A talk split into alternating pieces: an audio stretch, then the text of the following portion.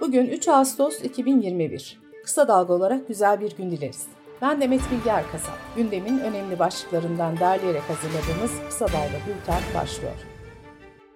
Türkiye'de orman yangınları bugün 7. gününe girdi. Tarım ve Orman Bakanı Bekir Pakdemirli'nin dün öğleden sonra yaptığı açıklamaya göre 132 yangından 125'i kontrol altına alındı. Bültenimiz yayına hazırlanırken Manavgat, Marmaris ve Milas'taki yangınlar devam ediyordu. Bakan Pakdemirli yerleşim yerlerinde sorumluluğun belediyelerde olduğunu söyledi. Pakdemirli, Orman Teşkilatı yerleşim yerlerini korumaktan, ormanların yanmasına müsaade etmek zorunda kaldı. Birinci derecede aslında sorumluluk belediyelerdedir. Yangınlar sonrası tüm belediyelerle bir araya gelerek çalıştay yapmayı planlıyoruz dedi. Pakdemirli'nin bu sözlerine CHP'den sert tepki geldi. Orman yangının devam ettiği Marmaris'e giden CHP heyetinden Genel Başkan Yardımcısı Ali Öztunç, utanmadan çıkıyor, sorumluluğu belediyeler atıyor. Sorumlu sensin. Gelmiş geçmiş en beceriksiz orman bakanısın dedi. Grup Başkan Vekili Engin Özkoç ise derhal istifa etmelisin, o bakanlığa layık değilsin diye konuştu. Antalya Büyükşehir Belediye Başkanı Muhittin Böcek, başta İstanbul, Ankara ve İzmir olmak üzere Konya, Denizli, Muğla Belediye Başkanlarımız yardımcı oluyor.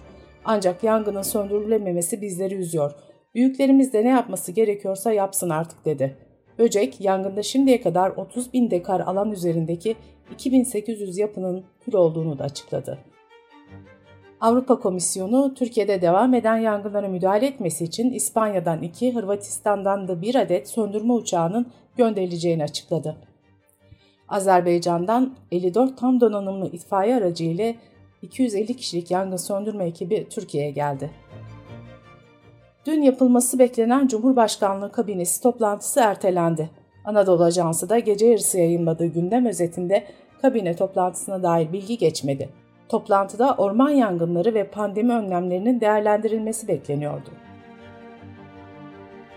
Meclisten 17 Temmuz'da geçen Turizmi Teşvik Kanunu'nun oylamasında İyi Parti'nin kabul oyu verdiği CHP, HDP ve TİP'ten birçok milletvekilinin ise oturuma katılmadığı ortaya çıktı. İstanbul, İzmir, Ankara, Antep, Konya, Bursa, Adana'nın da aralarında olduğu pek çok kentte dün elektrik kesintileri meydana geldi.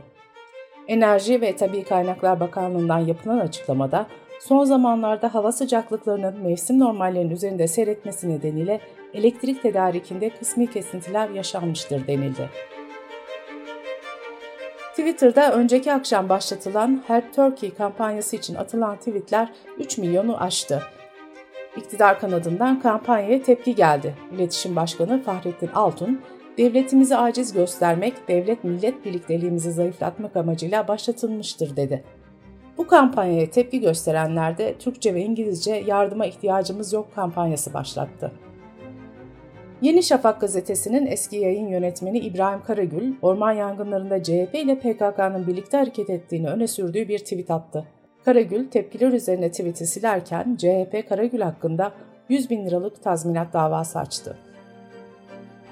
Antalya'da 5 gündür haber alınamayan gazetecilik bölümü öğrencisi 21 yaşındaki Azra Gülendam Haytaoğlu'nun cinsel saldırıya uğradığı ve öldürüldüğü ortaya çıktı.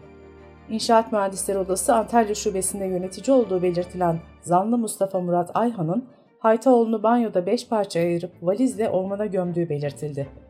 Ayhan'ın sorgusunda suçunu itiraf ettiği öğrenildi. Türkiye A Milli Kadın Voleybol takımı olimpiyatlarda Rusya Olimpiyat Komitesi'ni 3-2 yenerek B grubunu 3. sırada tamamladı. Türkiye'nin çeyrek finaldeki rakibi Güney Kore ya da Sırbistan olacak. Milli güreşçi Rıza Kayalp ise 2020 Tokyo Olimpiyatlarında bronz madalya kazandı. Bültenimize COVID-19 haberleriyle devam ediyoruz.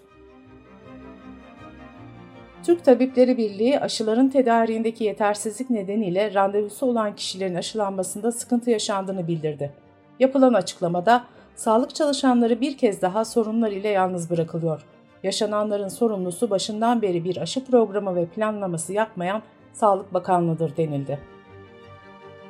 İstanbul Fırıncılar Odası Esenler temsilcisi Mustafa Çiçek, İstanbul'da Bakırköy, Güngören, Bağcılar, Bahçelievler, Bayrampaşa ve Esenler'de aşı olmayanlara ekmek satmama kararı aldıklarını açıkladı. Çiçek, vaka sayıları artmaya başlayınca karar almak zorunda kaldık.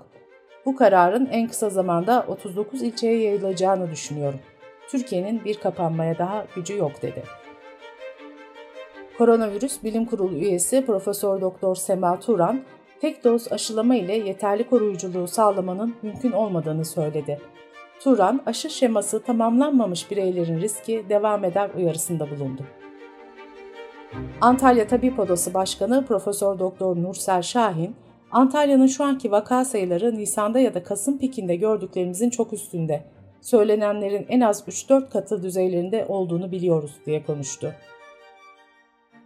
Tüm dünyada delta'nın etkisiyle vaka sayıları artarken hükümetler de kısıtlamalara geri dönme kararı alıyor. Birçok ülkede de korona önlemlerini protesto eylemleri düzenleniyor. Almanya'nın başkenti Berlin'de hükümetin koronavirüs önlemlerine karşı sokağa çıkan protestocular polisle çatıştı.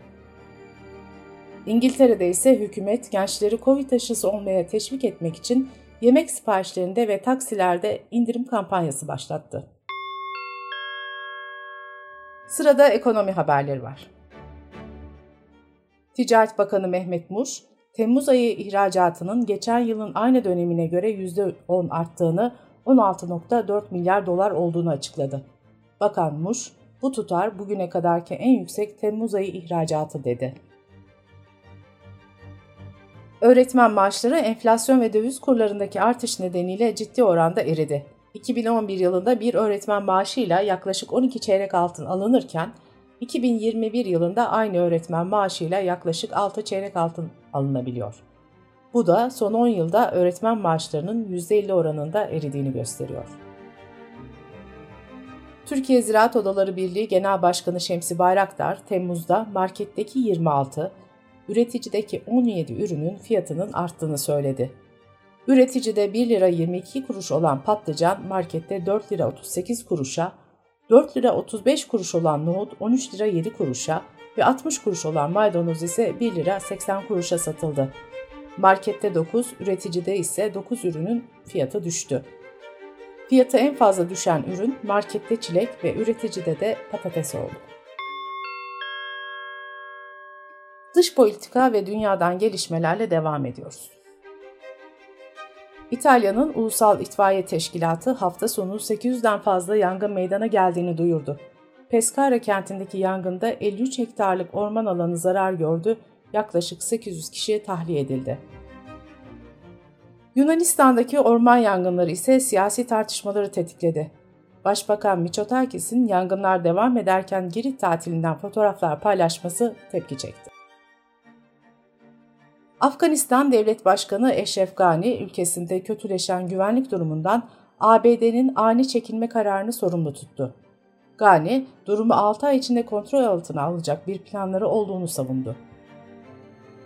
Ermenistan'da son seçimleri %53.92 oy oranıyla önde tamamlayan Sivil Sözleşme Partisi'nin aday gösterdiği Paşinyan yeniden başbakan olarak görevlendirildi.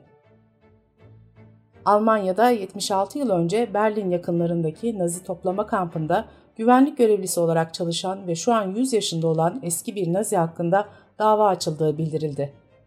Adı açıklanmayan kişinin savaşın bitiminden 76 yıl sonra Ekim ayında yargılanmaya başlanacağı belirtildi. Video konferans sunucusu Zoom, milyonlarca kullanıcısının mahremiyetini ihlal ettiği, kişisel verilerini başka platformlarla paylaştığı gerekçesiyle ABD'de açılan davada 86 milyon dolar ödemeyi kabul etti. Bültenimizi kısa dalgadan bir öneriyle bitiriyoruz.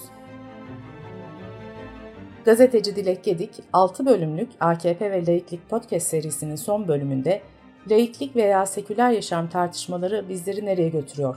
Yakın veya orta vadede Türkiye'yi neler bekliyor? Türkiye bu tartışmaları nasıl ve ne zaman geride bırakabilir sorularına yanıt arıyor. Kısa Dalga.net adresimizden ve podcast platformlarından dinleyebilirsiniz. Gözünüz kulağınız bizde olsun. Kısa Dalga Medya.